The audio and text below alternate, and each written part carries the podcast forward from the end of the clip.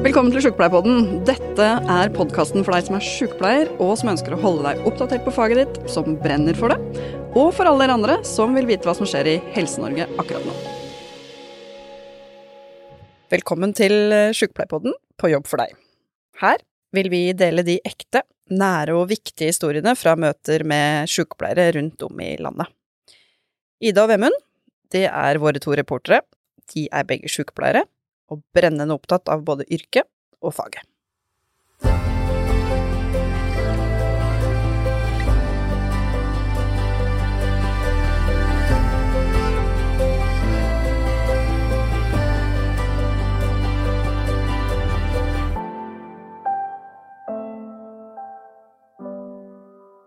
Ja, da sitter vi her i studio og har fått med oss eh, Ingebjørg. Ja. Og vi har jo vært og sett litt på deg da, Ingebjørg, i dag, og hva du har gjort for noe spennende. Ja. Men jeg tenker sånn, først kan ikke du fortelle litt. Hvem er du? Ja, hvem er jeg, da? Ja.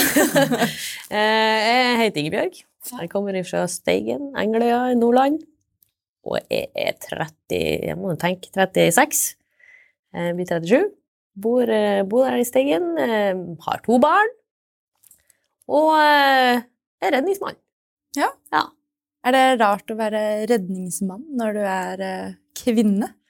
Ja, det er jo kanskje det spørsmålet jeg får eh, oftest. Ja. Og mange blir veldig usikre. eh, Og vi er jo ikke så mange, men for min del, og sånn personlig, så, så mener jo jeg at det, det er min tittel. Yrkestittel. Så det er Mm. redningsmann. Så jeg tror at det, det er veldig mange andre som har masse meninger om det enn vi, vi er fem damer da, i hele Norges land, både på redningstjenestesida og i luftambulansen.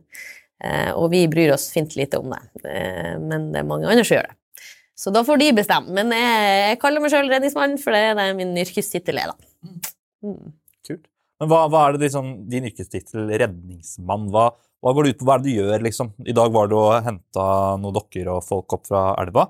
Ja. Men hva, hva, hva, hva går det ut på? Sånn, hva gjør du? Hva er jobben din? ja, som redningsmann i luftambulansen, da, så jeg jobber jeg i helikopter. Eh, Vi er styrt av eh, AMK, så det er de som sender oss ut på oppdrag, da. AMK er ambulansetjeneste? Ja, AMK det er de, de som sitter i eh, sentralene. Da. Når du ringer 113, så, eh, så kommer du til AMK, og så svarer de. Og så eh, kanskje er det noen som trenger hjelp da, med det, det er alt mulig, da. Fra brystsmerter til de som er traumatisert, eller de som har ramla ned fra ei fjellside, eller Så det er noen som trenger hjelp. De ringer til AMK. AMK kontakter oss. Um, og på jobb så er vi på et, et helikopter så er vi en eh, lege og en pilot og en redningsmann. Så vi er tre om bord i helikopteret. Eh, og vi får oppdrag som sagt mye forskjellig, eh, men det er jo gjerne de som er hardest skadd eller mest syk, da, som, eh, som vi er og bistår med. Da. Det kan være bistå ambulanse, eller det kan være folk som er en plass der det er vanskelig å komme seg til. Ja.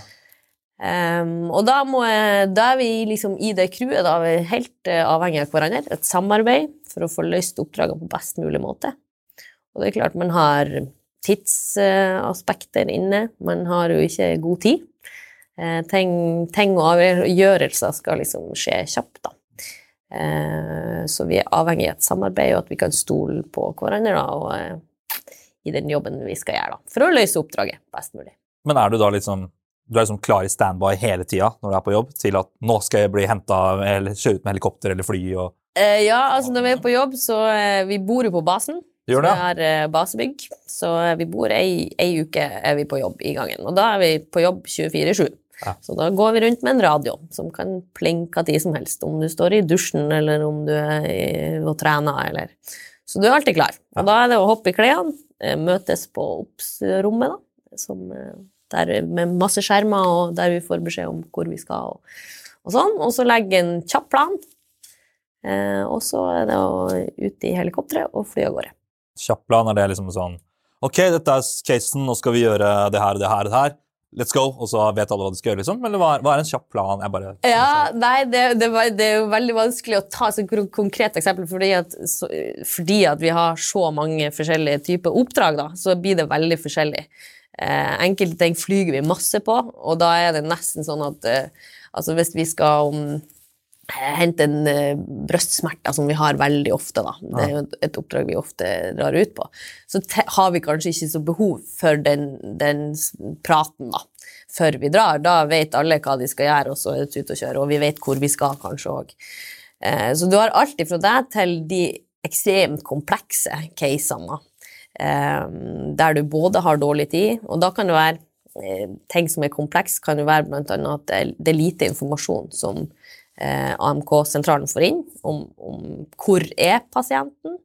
Eh, er han ramla i ei elv, eller eh, står han på land? Er han skada? Er han ikke?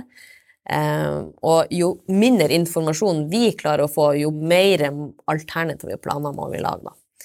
Eh, så det er ganske sånn eh, eh, varierende, så det finnes ikke noe fasit. Eh, men det er klart, de oppdragene som vi har færrest av, det er der vi må på en måte være mest på det, og, og prøve å lage en plan A, B og C eh, ut ifra den informasjonen vi får inn. da. Og så er jo selvfølgelig været en, en stor faktor da, i forhold til at vi flyr i lufta. da. Det vil jeg tro. Eh, så, så oftest så er jo når vi får et oppdrag, så er det på en måte legen som er den medisinske ansvarlige. Han skal ta en avgjørelse. ok, Er det her noe vi skal fly på, eller er det noe som kanskje de må bruke noen andre ressurser på? Eh, fordi at vi må være mer i beredskap. Kanskje haster det ikke så, sånn at da kan en ambulanse gjøre det. Eh, så må piloten se på været, og se på værmelding og værkamera og sånn som vi har rundt omkring, og hjelpemidler rundt det, og gjøre en avgjørelse på kan vi fly eller ikke. Eh, og så er på en måte redningsmannen eh, en, en liten potet, da, som, eh, som skal være med og bistå både lege og pilot i, i de avgjørelsene som blir gjort der, i tillegg til den redningstekniske biten. Har vi noen som er på fjellet, da, så må vi begynne å lage en plan. Ok, vi må prøve å innhente er det, Må vi gjøre det her underhengende, at vi henger under helikopteret i tau og sånn? Kan vi lande helikopteret helt og skjøtte ned rotoren, og at det blir helt stille og gå ut? Eller må vi stå der og hover? Eh, sånne ting. Og det er selvfølgelig noe vi alle er med på å diskutere da, når vi skal ut. da. Så eh, det er vanskelig å se en sånn helt sånn skjer det hver Nei. gang, for det skjer aldri likt. Nei. Og så jobber du med forskjellige folk hele tida. Så det gjør jo òg noe med dynamikken på en måte i, i crewet. da. Men åssen jeg bare spør videre. Da. Åssen ble du Åssen ble du redningsmann? Eller sånn For du er sykepleier i bunn. Ja, Ja. det Og hvorfor ble du sykepleier? Ja, Ta oss gjennom den biten. Ja, hvorfor ble jeg sykepleier? Det er jo egentlig mm, Jeg har jo alltid vært så glad i å ha gjort alt mulig forskjellig, og prøve eh, ting og tang. Så når jeg var der i, i livet at man skulle velge på en måte utdannelse, da hadde jeg gått litt folkehøyskole og gjort litt sånn forskjellig, og så var jeg i Alaska på et sånn eh, eh, halvtårsstudio i friluftsliv, da. Så jeg var tre måneder i Alaska, og da var det liksom Nå skulle vi søke og hive inn de søknadene. Så hadde jeg liksom lina opp da, hva jeg ville søke, og sykepleier i Trondheim sto ganske høyt på den eh, lista, men jeg tenkte sånn, nei, jeg hadde ikke så gode karakterer, jeg blir sikkert ikke å komme inn der engang. da. Eh, og så ringte mamma med det jeg sto ute i bushen der og, og sa liksom at «Du, du er kommet inn på sykepleien. Og da var jeg litt sånn, ja, ok. Da hadde jo jeg laga en helt annen plan. Så Ja. jeg tenkte ja, da, da tar jeg det sykepleien, da. og tenkte at jeg visste jo at jeg er glad i folk, da. Eh, og har lyst til å jobbe med folk. Jeg er en praktiker og har lyst på praktisk eh, arbeid, da. Og så visste man jo at ja, der det er folk, der trenges sykepleierne òg, da. Så man er jo på en måte garantert jobb. Så det var veldig Også relativt kort studie. Eh, Det er jo òg for en, en som ikke er så glad i å sitte på skolebenken, så hjalp det på. Og mye praktisk arbeid under utdannelsen. Det tenkte jeg det må passe meg bra. Så gjorde jeg det, da, og eh, under utdannelsen fant jeg ut at det er jo fantastisk. Eh, Det her var veldig lurt å gjøre, for du har jo så ekstremt masse muligheter med den grunnutdannelsen. Både, du- altså, du trenger jo ikke å videreutdanne eller noe, du kan liksom ha den grunnutdannelsen, og så er liksom det tusen veier åpne fortsatt. Har du videreutdanning? Eh, nei. Eller, ja, jeg har ikke noe videreutdanning, men eh, jeg fant jo fort ut at jeg hadde lyst på, en måte, på den akuttsida. Det var det som eh, Ja. trigga meg mest. Så jeg tok eh, kurs for å jobbe i ambulanse. Ok. Så du må ikke ha noe videreutdanning som sykepleier for å jobbe i luftambulanse? Nødvendigvis, så Eh, lenge eh, du har tatt kurs?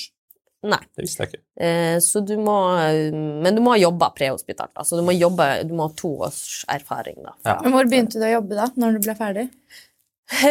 Når jeg ble ferdig, da tok jeg det kurset for å jobbe ambulanse, så da jobba jeg litt sånn når jeg var hjemme i Steigen. Så, så var jeg der eh, i ambulanse, og så fant jeg ganske fort ut at jeg hadde lyst til å reise til utlandet og prøve det. Så da ja, tenkte jeg jeg må frivillig, men jeg må ha litt penger først. For jeg, skulle jobbe frivillig, men også reise, da. Så da jobber jeg på gastrokirurg inne på sykehus, både i Trondheim og etter hvert i Bodø en periode. Eh, og så dro jeg til Kambodsja da, og jobba frivillig som sykepleier for et eh, Ikke noe sånn Leger uten grenser eller sånt, en rimelig liten organisasjon som eh, Ja, det var ekstremt spennende å gjøre da. Jeg for, jeg var vel 20 eller noe sånt da, og så for jeg nedover dit da. Helt stille alene, og de kunne ikke engelsk, eller dårlig engelsk. Havna på et sykehus langt ute i bushen. Hva gjorde du da? Sto du der bare med sånn tolketjeneste på telefonen og liksom Nei, det kasta, eller? For det, det er ofte det jeg gjør når jeg ikke klarer å kommunisere og vi ikke har fått tak i en tolken, og så blir det jo litt sånn du bare 'Jeg skal gi deg medisiner', og så sier noe sånn Tupachi, bla, bla, et eller annet, og så ser pasienten ofte litt rart på deg, og du Ja. liksom Nei, altså, jeg hadde jo ikke, hadde ikke et sånn fancy telefon da, Nei. så um, det gikk mye kroppsspråk, og det gjorde jo at jeg kunne gjøre veldig lite pasientretta. Da. Jeg hang med de legene, jeg var med på operasjoner, og så funka jo ting på en helt annen måte enn enn man er vant med i Vesten. da. Så det var et stort sykehus. De hadde tre ute, en brynn ute i liksom, bakgården der, som alle pasientene Det var der de kunne vaske seg, men de var avhengig av pårørende som kom ut dit da, og hjalp dem. Eh, Det var ikke noe sånn faste rutiner på at vi tar blodtrykk og temp og puls og sånn på de pasientene. Eh, Når de ga de medikamenter, så åpna de skuff, og der lå det en haug med piller liksom, som de plukka. Eh, ja, altså antibiotika ga de til alle. Resistent hadde de ikke hørt om. Eh, så det var sånn ekstremt primitivt. Men også veldig imponerende hva de fikk til, da. Eh, der kom de jo bærende inn med Altså, en mor kom på trappa der med en, en guttungen sin som har liksom krasja i motorsykkelulykke.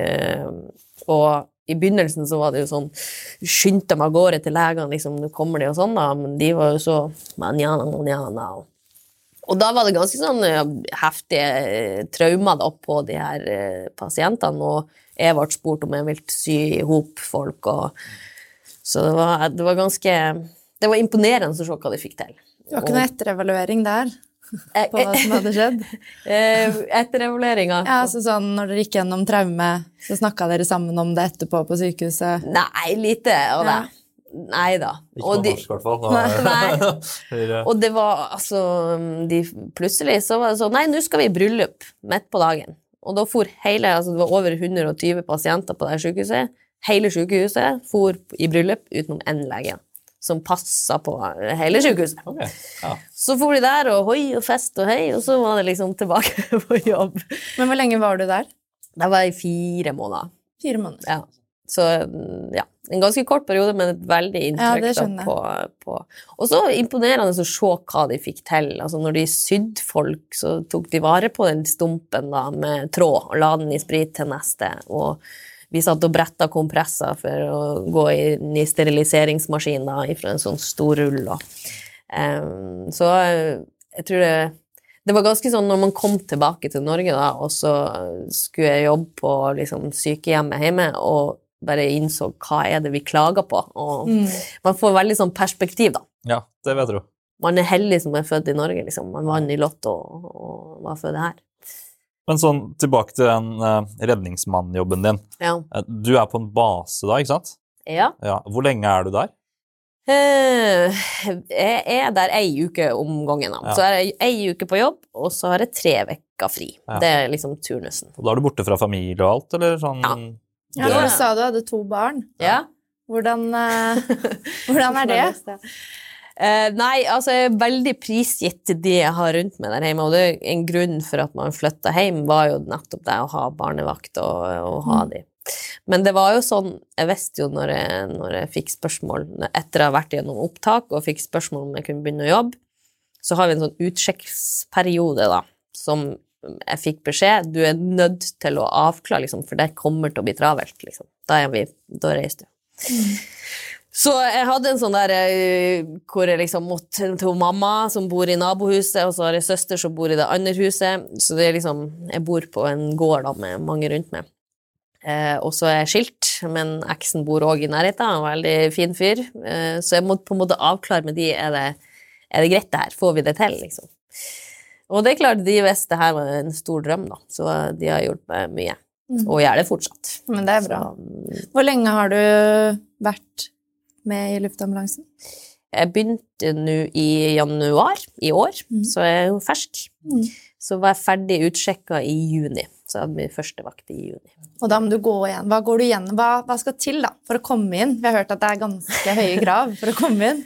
Ja, um, du, vi var på um, Først så søkte du på jobb, eh, og så ut ifra alle som søker, så blir det noen trekker ut til et opptak. Er det trekk, eller går du på Nei, nei, da sitter de og vurderer, da. Ja. Ut ifra kvalifikasjoner. Har, har du sykepleierutdanninga og den erfaringa Mm. du kan kreve, og, og dokumentasjon på ellers ting som du har holdt på med, da. Mm. Og det er jo mange søkere, og vi var 40 på vårt opptak. Eh, og den opptaksuka er jo ja, ei uke hvor du blir testa. Eh, En helvetesuke, liksom. Ja, Ja. det er jo det tyngste man, jeg har gjort. Ja, det er lov å si det. Ja, hva, det hva, hva, hva slags tester har man? Ja, nå var jeg veldig nysgjerrig. Ja, ja, ja. uh, nei, det er alt mulig, egentlig. Altså, det er alltid uh, Å være redningsmann er jo som en potet, liksom. Det er så mange ting som du skal kunne. Så du blir testa veldig mye i både Det har med tau å gjøre, og det har med klatring å gjøre, og det har med eh, medisinske ting, AHLR, alt. Hva, eh, hva AHLR? Hva, ja, hjerte-lungeredning. Mm. Og du må Det er sånn case-basert, da. Så du kommer Åpner ei dør, kommer inn i et rom, og så får du bare beskjed om å sette i gang, liksom. Gjør det, liksom. Ja, eller så, Eller så kunne vi Så var det i elva. Nå får du i oppgave, nå skal du svømme uten eh, svømmebriller, bare med snorkel bort der du skal hente inn dukka, og så skal du dykke ned her. Så det, det er veldig sånn komplekst. En Men er det veldig må- høye sånne fysiske krav og sånn også, eller? Eh, Ja, de setter jo en standard Mm. som man må kunne, og den vet man jo på forhånd, så den, på måte, den trener man seg opp til, da. Men i en sånn opptakssammenheng så, så handler det jo Jeg tror jo filosofien er mer å finne eh, personlighet og en personlighetstype enn det og å, de som er, har mest skills på ting. Mm. For du kan jo være jævla god med tau og trinse og taljer og alt mulig, eller medisinske ting, men så har du kanskje en personlighet som eh, gjør at du blir sint når du blir stressa, eller du mm. eh, ja, oppfører deg ikke fint mot de rundt deg. Eh, Så jeg tror at det, med personlighet spiller vel en veldig stor eh, rolle i, i den sammenhengen. Ja, for vi var jo med deg litt i stad, og da fikk vi jo liksom snakket litt med de andre som også var med på kurset, og det virka som en veldig hyggelig gjeng. Ja.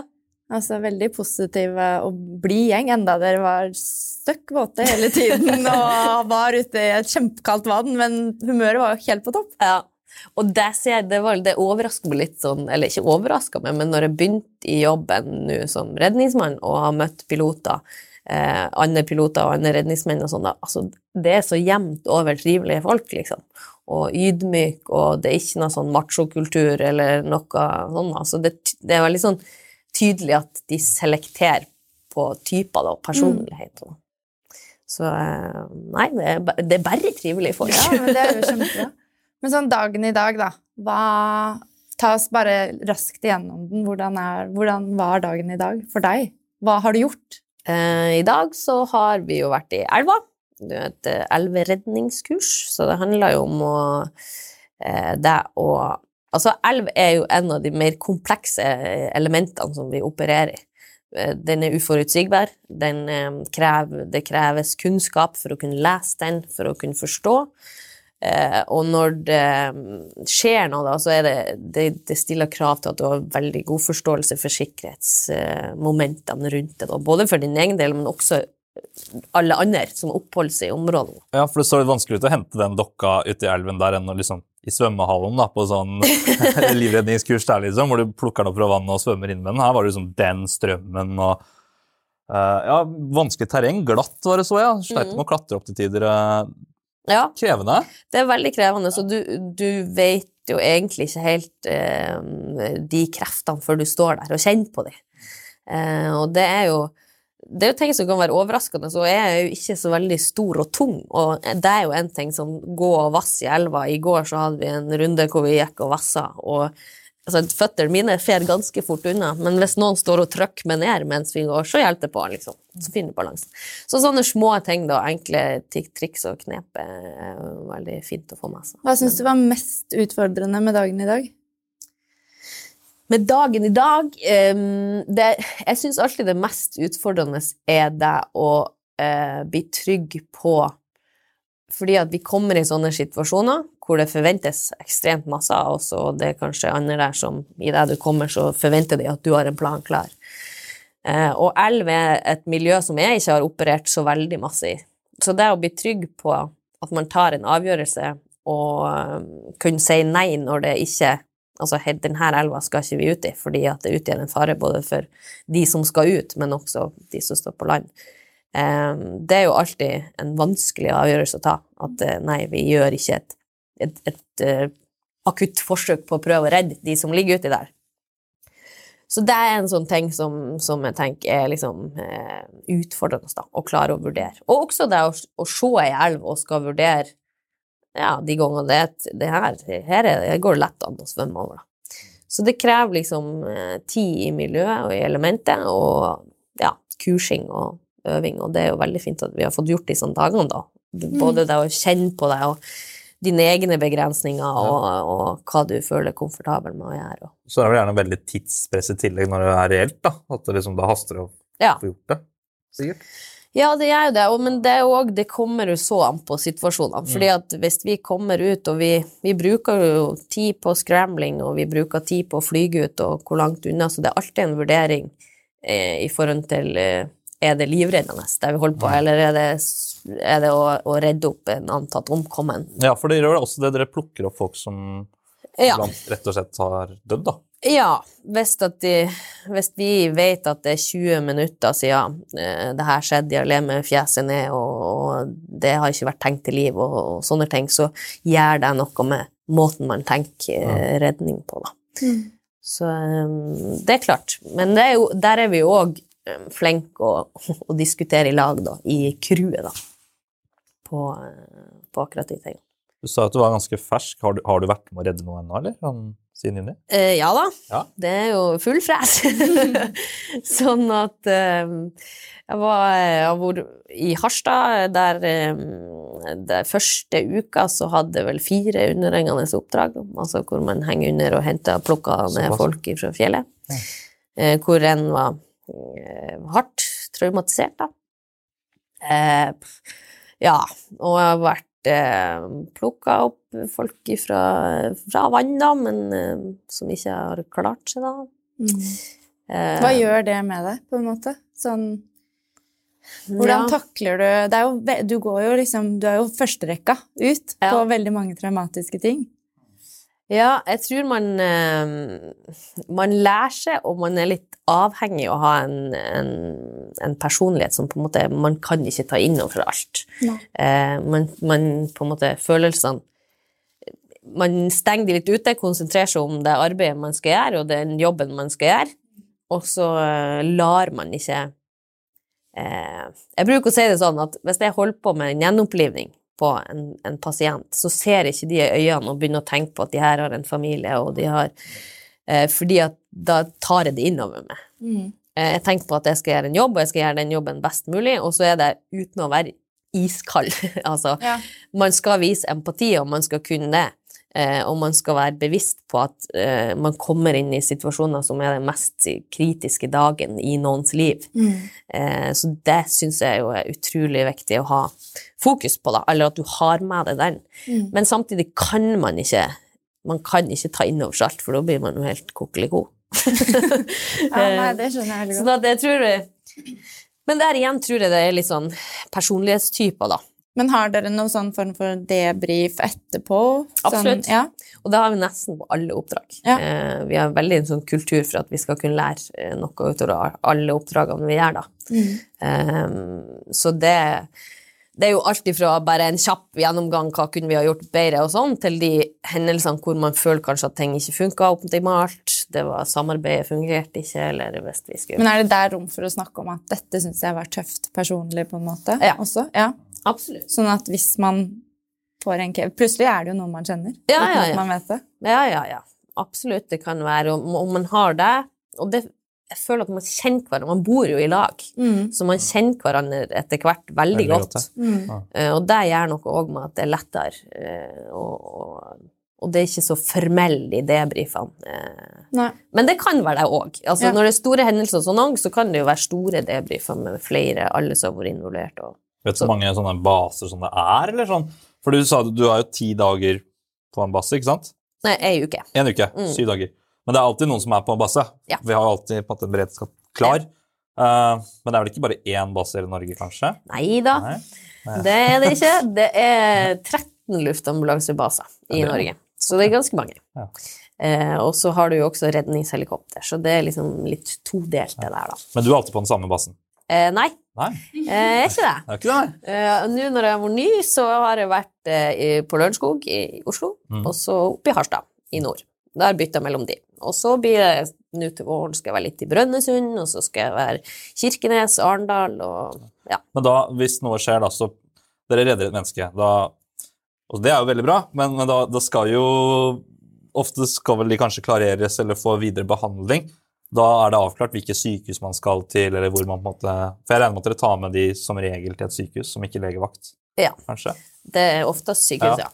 Og det er jo litt sånn Basene er jo lokalisert sånn at de har et område som de på en måte dekker, og da har de ulike sykehus som de sokner til, da. Og i Oslo har vi jo flere sykehus og flere valg på eh, hvor man tar de hen. Det er jo alltid det er legen som er med i vurderinga på hvor de skal, og så er det jo også de inne på sykehusene som, som er med og avgjør det, da.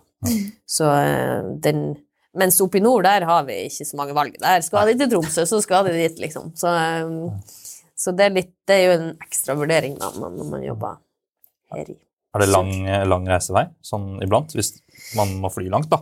eh, Ja. Hvor lenge kan det vare som et oppdrag? Eh, ja, vi kan jo ferie langt inn i Sverige. Eh, sånn at det kommer an på eh, både hvor du er, men det kommer an på hvilke andre ressurser som er tilgjengelig. Sånn at du kan jo jobbe på et eh, helikopter i Brønnøysund og er nødt til å fly sør for Trondheim fordi at eh, Trondheimshelikopteret er ute på et annet oppdrag. Sånn at det kan være ekstremt lange turer, da. men som regel så er det jo ikke det.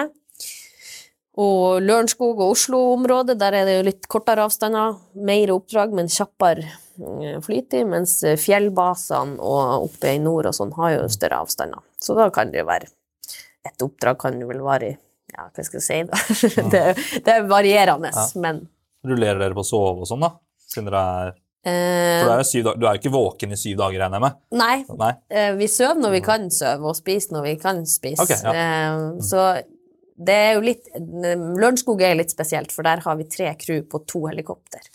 Så der har de kjørt en sånn at du kan Ja, turnusordning. på Ja, at du får, eh, du får garantert søvn tredje natta, da, i hvert fall. Så du setter inn den, det bakvaktscrewet. Eh, På de andre basene så har vi også Det er jo reglement å forholde seg til. Vi er under luft, vi er jo luftfart. eh, Der pilotene har veldig, og vi òg, strenge regler da, på at vi ikke kan fly mer enn 14 timer. Eller hvis vi har 14 timer duty, da, så, så må vi ha pause. Men så ønsker vi jo ikke å være ute av drift. Altså, vi passer jo veldig på at uh, trening og sånn, hvis vi har mye flytid, eller hvis det er en travle periode og sånn, så må vi prøve å begrense treninga til når vi har tid å gjøre det, da. Så, men man må opp til alle døgnets tider, og midt på natta, og kanskje har du sovet en time, eller så har du sovet åtte, eller Så det vet man ikke. Så man må bare være beredt på det. Men det venner man seg òg til, da. Og, eh, Ja, man gjør det. ja da, man gjør det.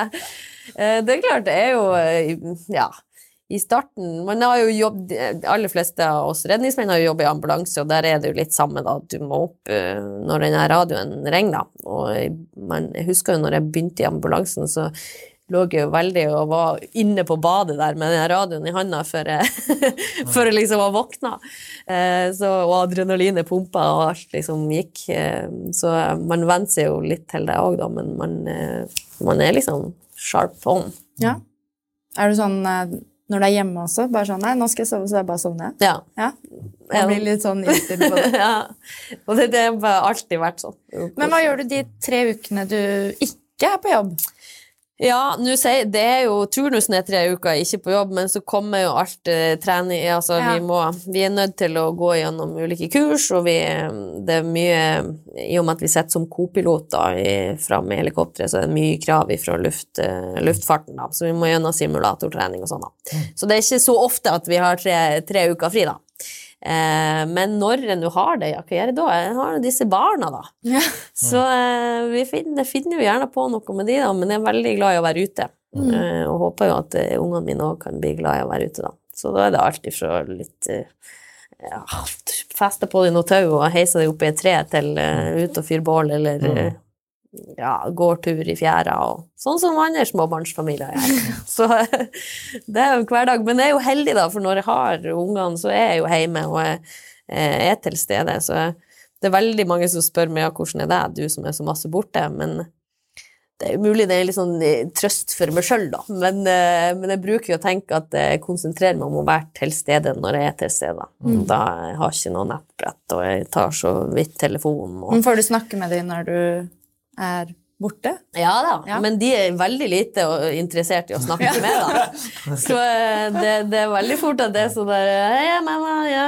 Og så Nei, jeg skal sprenge og leke. Jeg trodde det skulle være sånn Jeg er superstolt av mamma, og mamma er kulest i verden. Liksom, og, Ja, nå er de bare fire og seks, da, så Ah, okay. de har kanskje ikke helt forståelse ennå på hva jeg holder på med. da. Men jeg så henne en dag som satt de og leka med en sånn lekehelikopter, og så hadde hun bedt av sånn tau under der, da, og så 'Mamma, her er du!'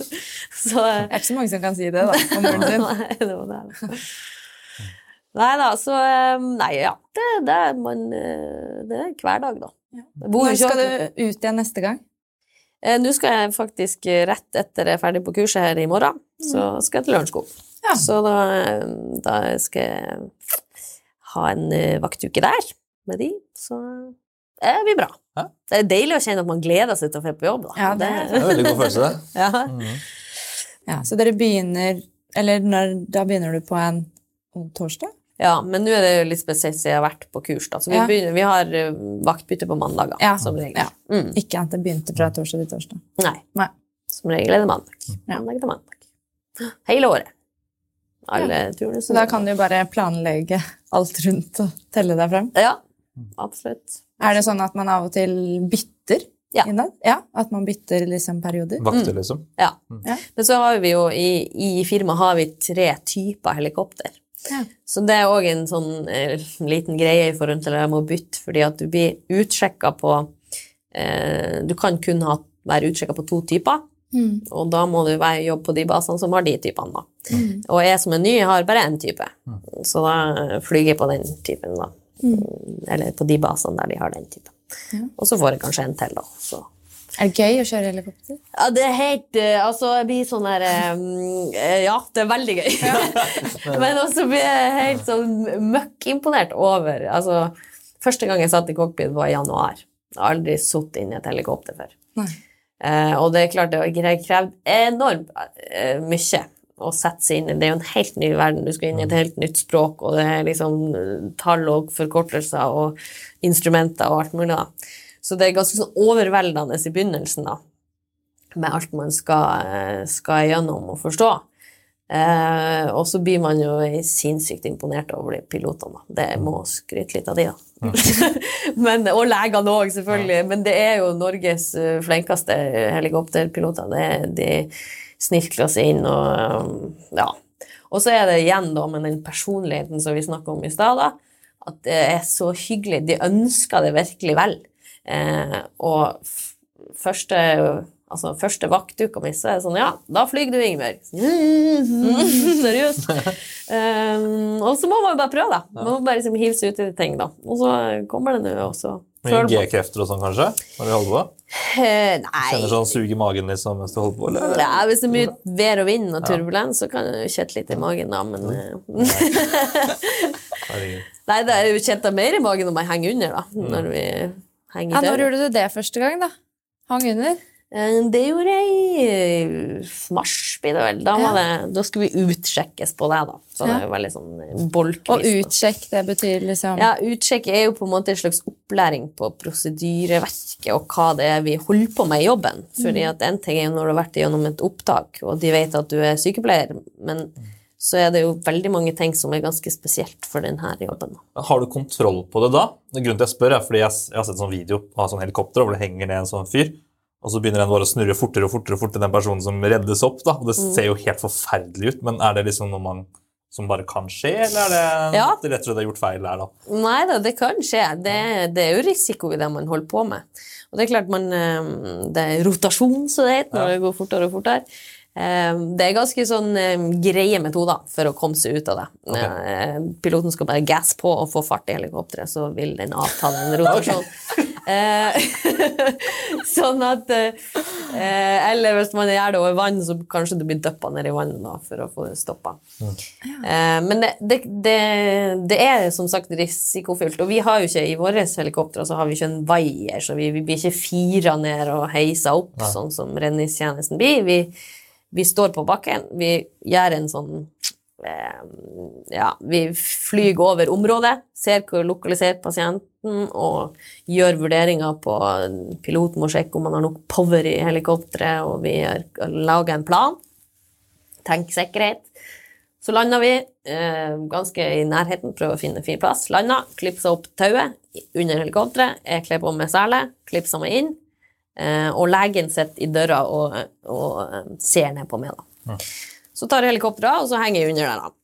Og det her er en sånn eh, Det er utrolig fascinerende øvelse, for det, det Du er har jo ikke mange høydeskrekk, da? Nei da. det her var ikke. Men det er vel, der ser man liksom tydelig på det crew-samarbeidet. For det er helt avhengig. Jeg gir tegn. eh, legen må liksom følge med på tegnene mine, formidle det til piloten, og piloten må styre det her helikopteret. Hva er et typisk tegn? hva tror du det betyr? Kjør! Nei, snurr. Drikkelek. Ja, drikkelek. Oppover. Oppover. Ja. Ja. Og når du skal nedover, kjører du sånn? Ja. Så, eh, men det er jo klart, det, det lengste taulengden vi flyr med, er 60 meter, så det er ganske det er en liten prekk liksom, som den legen sitter og ser på. og Det er ikke, ja, ja, lille mer liksom, store bevegelser. Så, eh, men der er det veldig veldig interessant å se altså, hvor utrolig presis man klarer å være da, med Altså bli satt av på en bitte, bitte liten fjellhylle, liksom, og de får meg inn akkurat der, da. Og så kobler jeg meg kanskje av og sikrer meg fast i fjellet, eller får pasienten på en slyng, eller sånn. Og så er det Ja, noen ganger, noen ganger så kobler jeg meg- helt ifra, og så flyr helikopteret vekk, sånn at det blir kvitt støy og alt, sånn at det får gjøre jobben hvis det må smertelindre, eller jeg må gjøre noe tiltak med den pasienten. da. Hva sier pasientene? Nå bare skyter jeg inn, men liksom når det skjer, da du, De du henter, er vel ikke akkurat veldig komfortable Nei. der de er? Hva, hvordan møter du folk i den Ja, og nå har jeg litt lyst til å fortelle historier, for det er en beklagelse til en pasient. Men eh, da var jeg oppe i fjellhylle, eller skulle hente ei, og hun satt på ei bitte lita hylle, da. I en, det var et sånn svar, eller en fjellvegg, sånn, da. Og hun satt der og klamra seg fast, og tydelig liv, livredd. redd. Eh, og da eh, ned og land, kobla oss opp, rigga, og jeg flyr inn. Flyr meg inn til henne og vurderer ganske sånn at det, her vil jeg ikke koble meg fra det tauet, fordi at det var liksom glatt. Liksom fare for meg selv da. Så jeg har med meg ei sånn sele da, som vi tar under armene og imellom føttene. Så klipser vi det inn, og da er jo hun sikra i lag med da, så blir vi løfta ut. Men hun satt jo liksom og klamra seg fast. Hun liv, livredd. Så jeg kommer inn, da, og det er trangt på denne hylla, og da må jeg passe på sant? Jeg må passe på at ikke de drar meg av den fjellhylla, for da henger jeg jo i tauet. Så jeg må følge meg litt på det her mm, hel- tauet. eh, Og gi tegn, da. Hvis de begynner å, liksom, begynner å se at det går nedover, da må de få de opp, og så må de holde høyden. Eh, Så jeg må følge litt med på det. Samtidig som jeg skal få på det her, og det er bråk og støy og det er caps, og det var liksom Og så får det rundt her, og hun sitter fortsatt og klamrer på, og så begynner jeg å stappe liksom, den sela imellom her, og så du må jo lette på rumpa, da. Og så sånn, du, du, Det skal skje fort, og det er liksom, du må være klar og tydelig, så jeg brukte mitt nordnorske språk og sa 'du må lette på ræva'! liksom, Høyt og tydelig. Og hun stakkars dama bare klart så vidt å gjøre det. Og klipsa seg inn, da. Og eh, det må jeg beklage, da, mitt språk, men av og til så er det liksom Du, du står der, du må ta avgjørelser, det det er litt stress, og du er liksom Så da er liksom klar og tydelig må man være, da. Så vi fikk henne eh, fikk henne i sela, og det gikk bare godt. Fikk henne ned derifra og takka så mye etterpå. Så eh, ja, sånn kan det være, da. Og da var det på en måte en som hadde falt, eller Nei, hun skulle opp på et fjell som hun har gått med opp på mange ganger, gang, og så tenkte hun hun skulle prøve å ta en ny vei. Ja. Mange som gjør det. har jeg hørt. Ja. Som prøver å utforske litt, og så setter de seg fast. Ja, Ja. det er ganske mm, Noen ganger blir man litt imponert hva vi, vi mennesker får til, da. Men, eh, men det skjer jo. Og det kan skje den beste, og det kan skje de som har vært masse på tur, og så snubler man. Man skal bare ta et bilde, sånn Instagram, eller noe, så der man er, eller Ja. Så det skjer med oss alle. Så det er ingen som er bedre enn noen. Og, um, ja. Men da er det jo greit at vi finnes, da. Ja, det er ikke uenig i det. Nei. Og så er det greit å være forsiktig Ja. når man er på tur, da. Har det gjort at du har blitt litt mer forsiktig senere? Du er jo sagt selv at du er et turmenneske og glad i å være ute. Eh, Ja, altså jeg har sikkert fått et annet sånn sikkerhetstenkegang rundt eh, Det hadde vært litt pinlig å bli plukket opp av jobben. Ja, det skjer ikke. Nei da. Nei, det tror jeg mange som tenker det, da. Men uh, man får et annet altså, man- Det at man tenker sikkerhet på en annen måte. Det tror jeg absolutt. At før så var man kanskje litt uh, mer vågal, da, men eh, Men eh, jeg tror jo det er mange som vil si at det, For jeg er ikke noe sånn hønemor, og liksom de her ungene mine, de ja, får liksom er ganske avslappa når de klatrer opp i et tre eller opp på en kjøkkenbenk. Eller, altså det, man må lære seg å dette, tenker jeg. Det er viktig. Så eh, ja. Det, men eh, absolutt eh, Når man ser mye rart og mye folk som er uheldige bare, og sånn, så, så gjør det noe med at man ser at det kan skje alle, og det gjør noe med det sjøl òg. Ja, men eh, herregud, Ingebjørg, det har vært kjempekult å høre om dette her. Eh, takk for at du kom. Jo, Og takk for at vi fikk være med deg, ikke minst. Se hvordan eh, øvelse foregår i luftambulansen. Bare hyggelig. Så får vi håpe kanskje om et par måneder høre litt åssen Du du er jo ganske ny, som du sa. Men åssen ting har gått, om du har noen seierhistorier eller ting som har skjedd Ja. etter hvert. Du kommer nok til å oppleve mye fremover. Ja. Det er veldig hyggelig.